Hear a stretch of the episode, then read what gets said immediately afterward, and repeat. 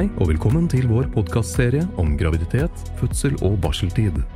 Vi gir deg den siste kunnskapen fra forskere og fødselsleger, sammen med personlige historier, erfaringer om å gå gravid og føde.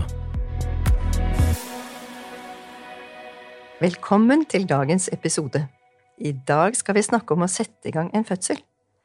Andelen induksjoner, altså igangsatte fødsler, øker i Norge og i dag igangsettes 28% av alle fødsler her i landet. Med oss i studio har vi også overlege og forsker Ingvild Krarup Sørby, som sitter på mye forskning og erfaringsbasert kunnskap om igangsetting av fødsler. Du får også høre Maja Gudim Burheim fortelle om sin første fødsel, som måtte settes i gang, og hvordan hun opplevde det. Velkommen til dere begge.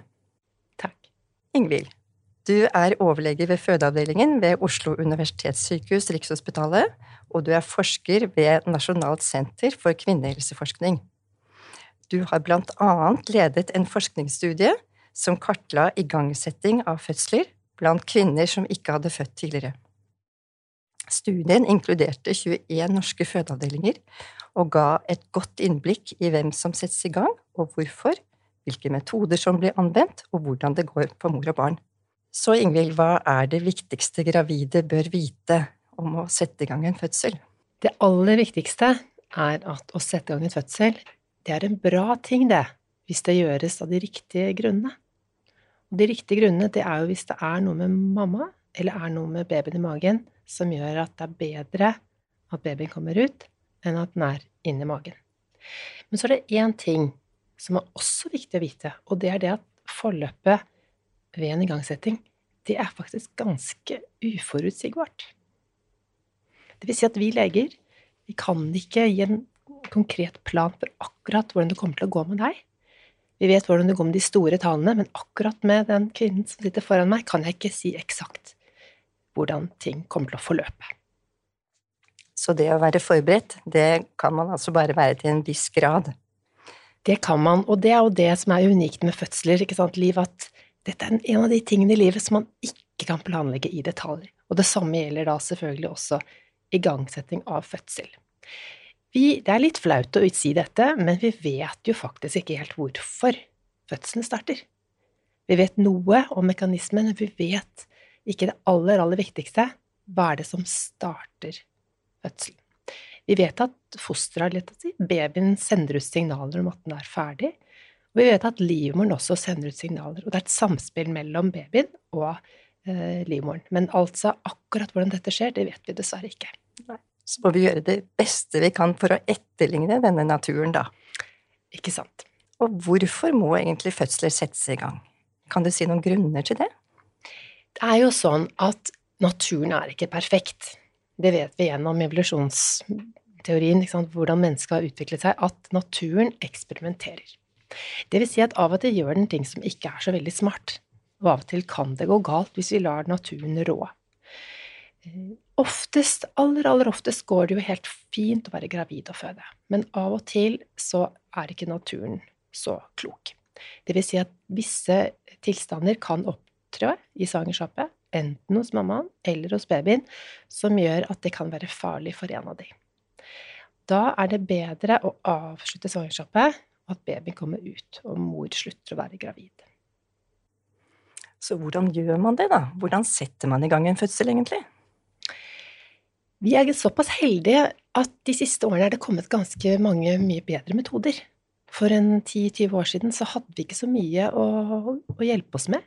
Vi brukte sånn drypp, oksytocin, som er liksom kroppens eget hormon som gir rier og det kalles jo kjærlighetshormoner, det er jo skrevet bøker om oksytocin. Det var det vi ga. Vi ga det i drypp, og så håpet vi på det beste. Men det som er at det er ikke nok for bare livmoren å ha sammentrekninger. Utgangen må åpnes først. Så livmorhalsen må forberedes på en måte sånn at den skjønner at nå er det slutt. Nå har du holdt sammen i ni måneder. Nå skal du bryte sammen, måte å åpne deg. Og vi vet ikke akkurat hvordan den kaskaden skjer, men det er det første vi gjør nå. Så vi får limrasen til å modne seg.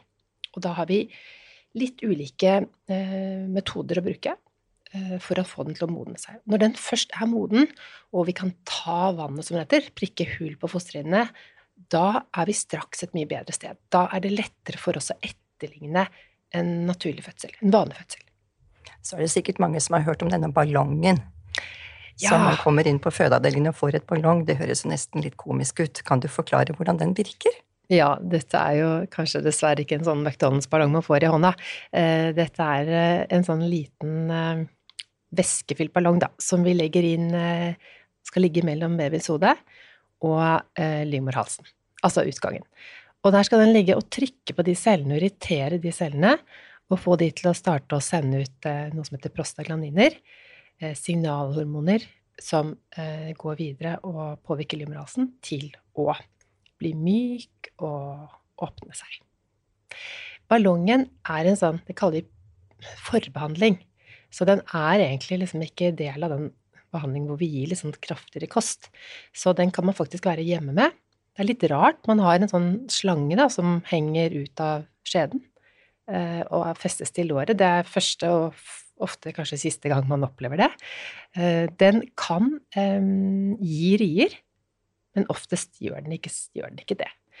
Det kan være litt ubehagelig å få satt på plass, men det er ikke noe verre enn en vanlig sånn gynekologisk undersøkelse. Så inneholder den litt saltvann, og eh, hvis man er hjemme og man plutselig kjenner at det blir vått, så må man komme inn og sjekke om det er ballongen som har sprukket, eller er det faktisk gått hull på fosterhinnene, for det kan jo også skje. Ja, da kan man ringe sykehuset og man kan komme inn. Ja. Og faller den ballongen ut hjemme, ja, da betyr det at da har noe skjedd. Så det er egentlig en kjempebra start på fødsel. Så dette er helt, kan du si, uten hormoner. Vi etterligner eh, kroppens egne mekanismer. Og det har man faktisk drev man med det ganske lenge for mange år siden, Liv. Og så gikk vi liksom bort fra metoden, og så kommer den tilbake igjen. Så skjønner vi at naturen er det lurt å etterligne, så det er helt riktig, ja. Så er det neste steg, da. Når man er forbi ballongsteget, ja. da kommer man til mer kjemiske stoffene. Ja. Da eh, er livmorhalsen blitt moden. Og noen kvinner kan jo gå rett på det stadiet. Det kaller vi liksom stadium to. Og da tar man eh, piller som skal gi sammentrekninger av livmoren. Det er piller som man eh, kan gi i skjeden, man kan ta det som en tablett med litt vann. Og før brukte vi også en sånn slags tampong. Men det som er nå, det som gjelder nå de fleste stedene, er at man tar det som piller. Og da kan man gi opptil to runder, liksom. To dager med de pillene. Da er det ikke alltid at noe skjer etter første pillen. Det tar gjerne litt tid, i hvert fall hos kvinner som ikke har født før. tar det litt tid å, å få dette i gang. Men sånn er jo en naturlig fødsel også. Den skjer jo ikke ved å knipse fingrene. Den Nei. skjer over tid. Må man da være på sykehuset? Sånn som uh, våre rutiner er nå på, i, ved Oslo universitetssykehus, så er man på sykehuset. Vi har også et pågående forskningsprosjekt eh, hvor kvinner kan få lov å være hjemme med den behandlingen. Det tenker vi kan være fint. Være trygt å være i egne omgivelser. Eh, ofte lettere å håndtere litt smerter og ubehag hjemme. De fleste foretrekker det. Så det er et prosjekt som pågår nå. Det høres jo veldig fint ut. Disse kjemiske stoffene, har de noen bivirkninger? Er det noen ulemper?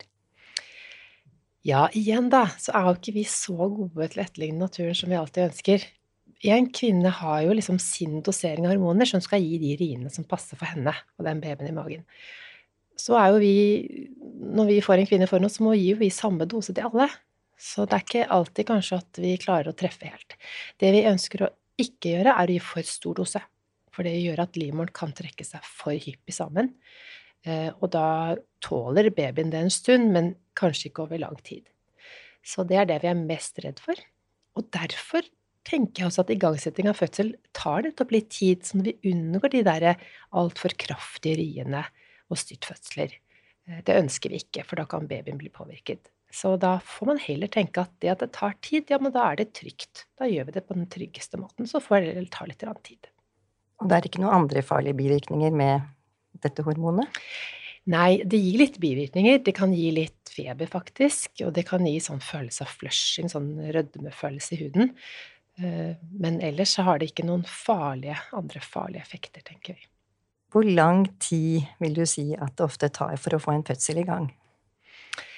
Ja, vi har sett på en studie som vi gjorde i 2018. Da så vi på førstegangsfødende.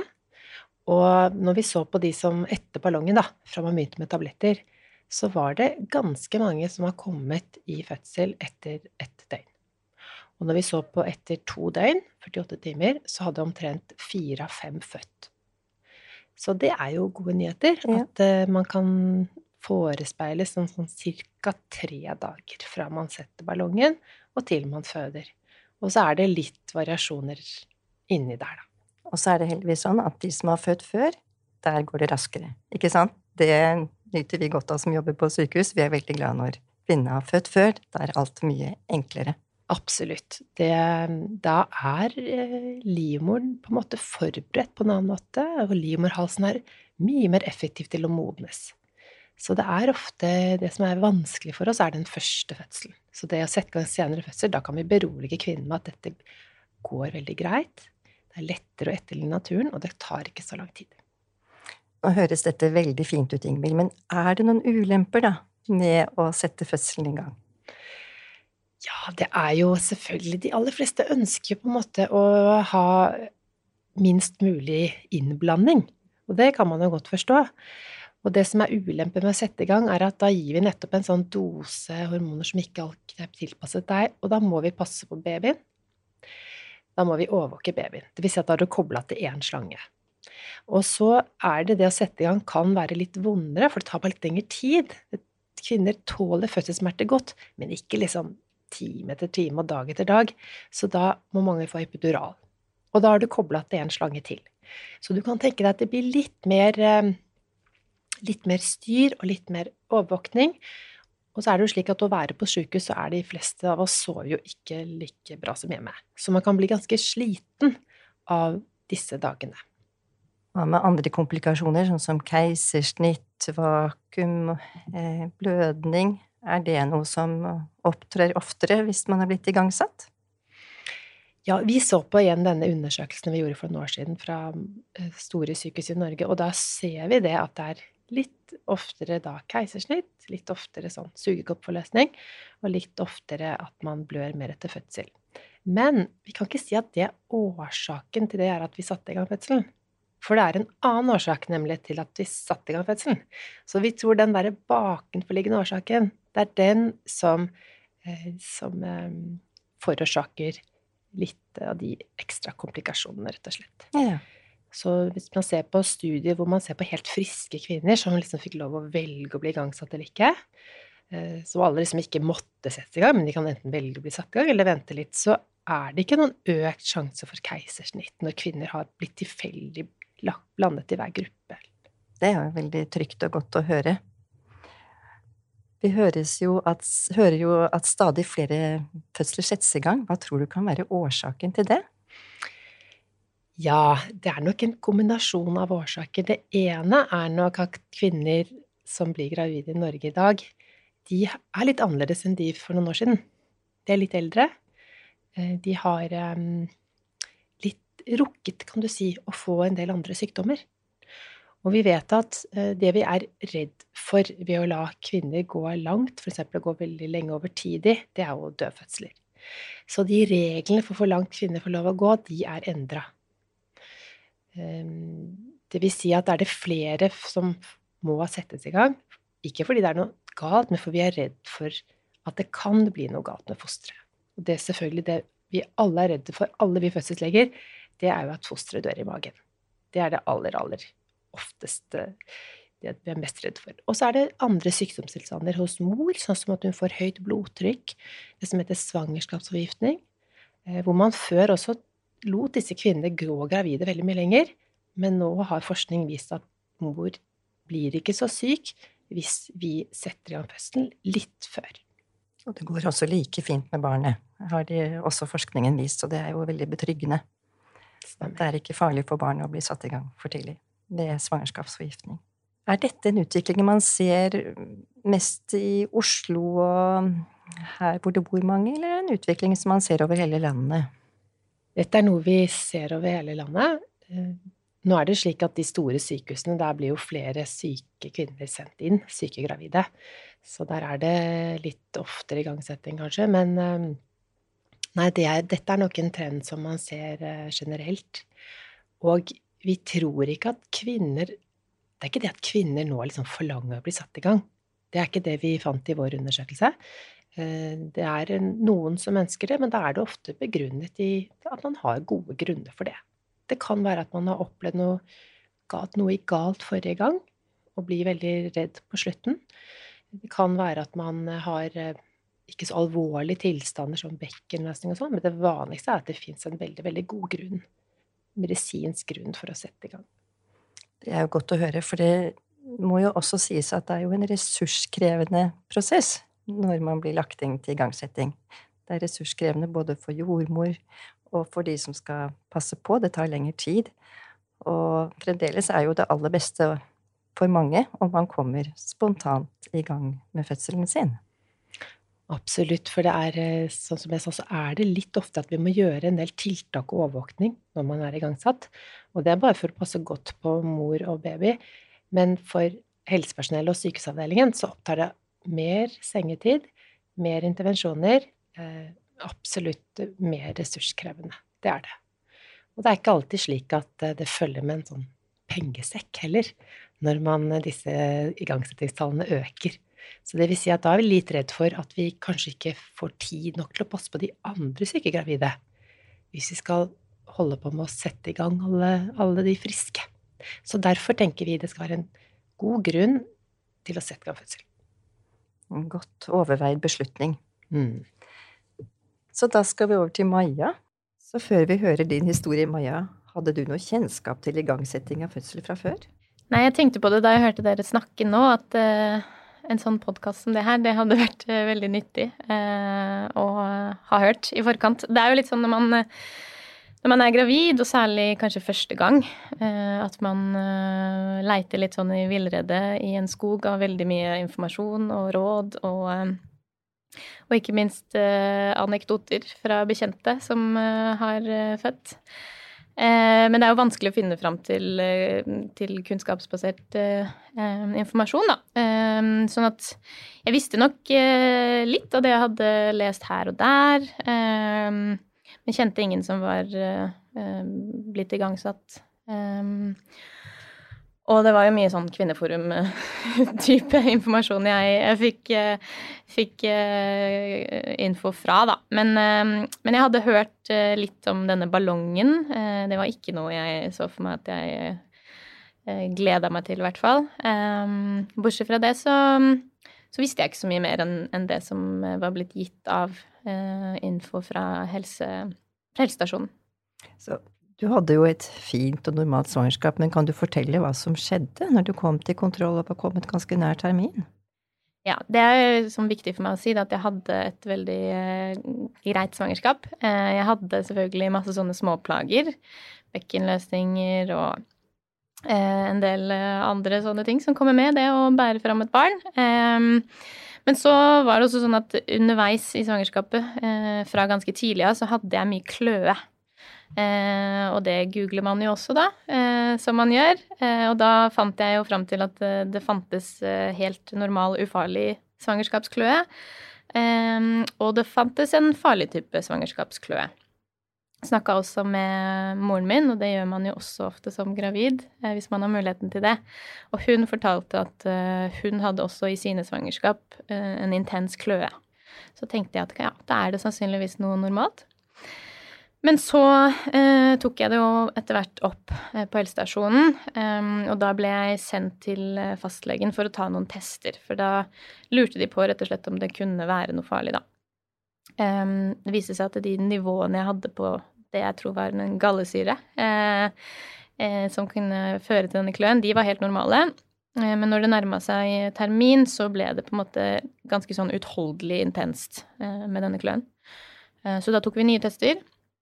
Og de viste et uh, over normalt snitt for gallesyre i blodet, da. Og da fikk jeg diagnosen hepatose. Um, og så var det litt fram og tilbake hvordan man skulle forholde seg til det. Svangerskapskløe, det høres jo litt farlig ut, Ingvild, men kan du si litt mer om hva dette går ut på? Eh, det som du forteller om her nå, er jo den i første delen, da, er jo en sånn vanlig svangerskapskløe som skyldes hormonene i svangerskapet. Og da får man det typisk liksom på magen og liksom symmetrisk rundt på kroppen. Og så forteller du noe kjempeviktig, nettopp at det endra seg.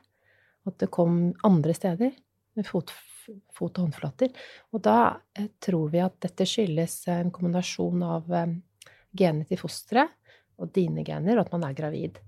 Eh, og da reagerer leveren din på at eh, det hoper seg opp gallesyrer i blodet. Og det tror vi kan Vi vet ikke helt hvorfor, men det er knyttet til at det er litt økt sjanse for at det ikke går bra med babyen i magen. Og da, eh, for å være på den sikre siden, så vil man da, hvis gallesyrene er over et visst nivå, så setter man i gang fødselen litt før termin. Så, så, du kom til kontroll fordi du hadde denne kløen, så kom du til kontroll ved svangerskapspoliklinikken? Ja. Det var eh, dagen før termin så ble jeg sendt eh, til Ullevål eh, med disse høye verdiene for å sjekke om det sto bra til med fosteret. Um, og da fikk jeg rett og slett et uh, valg, uh, fordi man var litt usikre på uh, hva de verdiene betydde. og for å være på den sikre siden så kunne jeg da bli igangsatt um, hvis jeg ville det. Og da var jeg så tett opp til fødsel, eller til termin, at jeg egentlig syntes det var et veldig greit valg å ta. så det takka jeg rett og slett ja til. Det var jo såpass mye usikkerhet også på den tida. Det var midt i starten av korona. Eh, og bare det å vite at nå hadde jeg i hvert fall tatt et grep hvis det skulle vise seg å være noe farlig for fosteret, eh, det føltes egentlig bare veldig fint. Så da ble det igangsetting. Kan du fortelle litt hvordan det foregikk? Ja, eh, da fikk jeg jo da en time. Oppmøtetid klokka elleve, tror jeg, oppe på Obs-posten Eh, på Ullevål. Um, og fikk en gynekologisk undersøkelse ganske tidlig. Um, og så var jeg forespeila og kanskje måtte være der i to-tre dager. Men det viste seg at jeg hadde allerede åpning, litt åpning. Sånn at jeg fikk beskjed om at jeg hadde hoppa over noen trinn i den igangsettinga, og slapp da denne ballongen sånn at jeg fikk eh, da en sånn pilleigangsettingskur, eh, hvis man kan kalle det det. Hvor jeg ble satt på et lite regime hvor jeg fikk en pille ved jevne mellomrom i løpet av det neste døgnet. Så da var det jo da å ligge og mm, vente sammen med andre som hadde ulike typer komplikasjoner, og også venta på å bli eh, igangsatt. Mm. Og bare vente på at noe kom noe skjedde, da. Det gjorde det heldigvis. Ja. Eh, for meg så tok det relativt kort tid. Um, Ca. et døgn etterpå, på morgendagen etter jeg først kom inn, eh, så uh, fikk jeg ganske raskt uh, rier. Um, og kunne etter hvert da uh, komme inn på, på fødestua. Og da ble det en fin fødsel? Ja, det, det, det, det, verste var kanskje å gå og vente på at um, kjæresten min kunne komme. Uh, fordi det var veldig strenge regler på sykehuset akkurat da. Så fordi jeg ble igangsatt, så mista jeg jo hele den tida hjemme med han. Uh, og han satt jo da i uh, beredskap og venta på at jeg skulle få slippe inn. Um, men når jeg kom inn, så um, så var det en normal fødsel.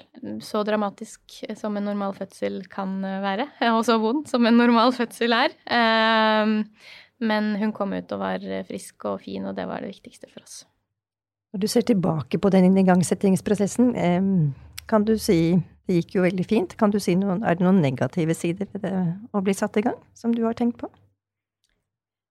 Nei, altså, jeg hadde egentlig um, i hele svangerskapet um, bestemt meg for at jeg skulle um, håpe uh, på uh, det beste uh, når det gjelder fødsel, men ikke ha så mange forventninger. fordi jeg kjenner såpass mange med så forskjellige fødehistorier at jeg tenkte at det er veldig vanskelig å forberede seg. Um, sånn at Eh, jeg var nok forberedt på at alt kunne skje. og det at dette skjedde med meg, um, det så jeg på som blant de mindre dramatiske tingene som kunne skje. Sånn at jeg var veldig um, Veldig innforstått med at det ble sånn. Og det vanskeligste med det var nok at jeg var aleine så mye før fødsel. Men uh, bortsett fra det så hadde jeg på en måte ikke noen forestillinger om at det kunne være skadelig for fosteret, eller at det ville gjøre noe med min opplevelse. Og jeg opplevde heller ikke det. alt gikk jo fint. Um, så var jeg også heldig fordi det gikk såpass fort. Um, I og med at det kan forsinke fødsel, har jeg skjønt, uh, å bli igangsatt. Så, um, så, så, tenker jeg jo først og fremst at jeg var heldig. Og så var det også en fin ting med det at vi fikk en dato uh, uh, å forholde oss til. jeg var veldig sliten og veldig tung på slutten av svangerskapet. Så det å sitte der dagen før og vite at i morgen så er vi i gang også fordi det var veldig, veldig mye som var usikkert pga. korona akkurat i den tida. Å ha noe sånn et fast holdepunkt.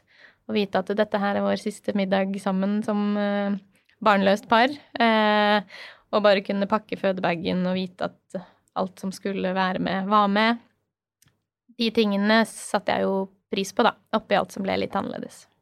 Hvordan opplevde mannen din at det ble igangsetting, og ikke å dra spontant på sykehuset sånn som dere kanskje hadde tenkt på forhånd? Jeg tror han hadde litt samme um, tanker ute som meg. Altså på den ene siden uh, selvfølgelig Eh, fordi det var en bekymring for at dette kunne være farlig eh, for fosteret. Det var jo en grunn for at det ble igangsatt. der var vi jo veldig enige begge to om at det var riktig å ta det valget. Da vi gjorde det sammen. Jeg ringte han med en gang jeg fikk spørsmålet. Um, og så var det fint å, å kunne ha den eh, kvelden før eh, sammen. Og så var det nok eh, verst for han å måtte vente eh, aleine hjemme eh, og ikke vite når han kunne komme inn. Eh, og selvfølgelig ikke kunne være der for meg i den perioden som, som, som handla om, eh, om å, å, få lov til å komme inn på fødselsdag. Takk for at du delte din historie, Maja. Og Ingvild, dette er jo på mange måter en solskinnshistorie. Det er gjort litt forskning på hvordan kvinner opplever fødselen. Og Maja sier vel nettopp dette å bli godt ivaretatt. Ja, og det som er vanskelig når man undersøker igangsetting og hvordan kvinner opplever det, er det at uh, man blir veldig farget av hvordan fødselen går, og hvor vondt man har, og er babyen frisk og sånn. Så selve igangsettingen tror vi ikke påvirker fødselsopplevelsen i noen særlig grad. At det er andre ting som bestemmer det, hvordan fødselsopplevelsen totalt sett blir, da.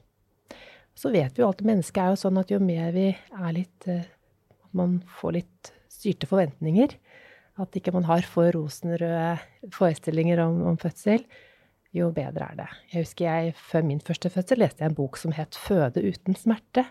Eh, som gynekolog leste jeg den boken, og den brant jeg sånn rituelt på et bål noen måneder etter fødsel. Så, så, selv eh, vi som jobber i gamet, kan ha disse forventningene. Og da er det fint at noen forteller oss under svangerskapet eh, litt mer sånn realistisk hva kan vi forvente oss. Da. Og da håper vi at dere har fått litt mer kunnskap om igangsetting av fødsel. Tusen takk til deg, Maja, og takk til deg også, Ingvild, for at dere har delt av dine erfaringer og kunnskap. Og takk også til deg som lytter på oss.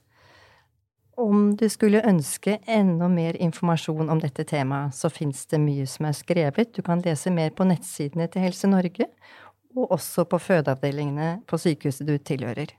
Og du kan også ta det opp med jordmor eller lege hvis du er gravid og går til kontroll. Takk for i dag.